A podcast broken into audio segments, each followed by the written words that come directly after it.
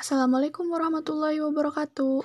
Halo semuanya, saya Hello Insania Syahnas. Di episode kali ini kita akan membahas tentang perekonomian pada masa transisi B.J. Habibie 21 Mei 1998 sampai 20 Oktober 1999.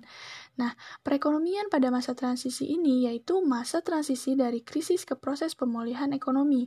Jadi dapat dikatakan pada saat itu Indonesia sedang mengupayakan pemulihan dan perbaikan-perbaikan perekonomian dari yang sebelumnya perekonomian Indonesia mengalami krisis.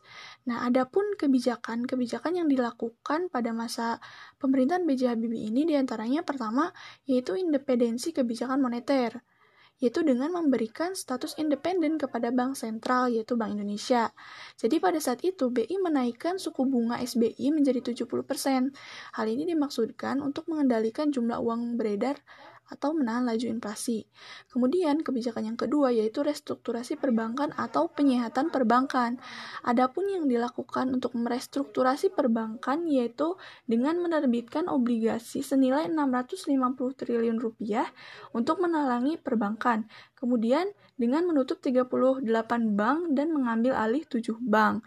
Hal ini dimaksudkan untuk menangani bank-bank yang bermasalah pada masa Soeharto sebelumnya.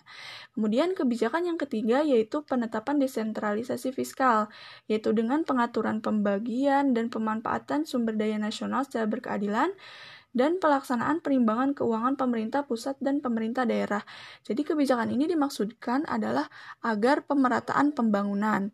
Kemudian kebijakan selanjutnya yaitu konsolidasi fiskal, yaitu dengan membatalkan sejumlah proyek infrastruktur, menghentikan perlakuan khusus bagi mobil nasional, membiayai program pengaman nasional. Kemudian kebijakan selanjutnya yaitu kesehatan korporasi, yaitu dengan merestrukturasi utang swasta lewat skema Indonesia Debt Restructuring Agency atau disingkat INDRA.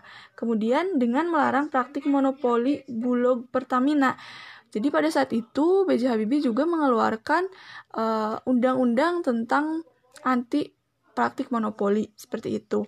Adapun dampak e, dari kebijakan yang dilakukan pada masa pemerintahan B.J. Habibie di antaranya inflasi turun dari yang tadinya 77,6 persen tahun 1998 menjadi 2 persen saja pada tahun 1999.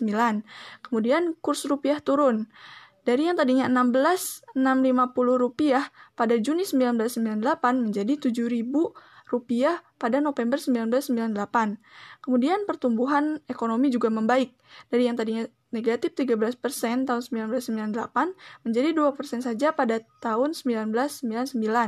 Jadi dapat kita simpulkan perekonomian pada masa B.J. Habibie ini sudah mulai ada perbaikan-perbaikan dan pemulihan, namun perbaikan dan pemulihan itu belum terlalu signifikan.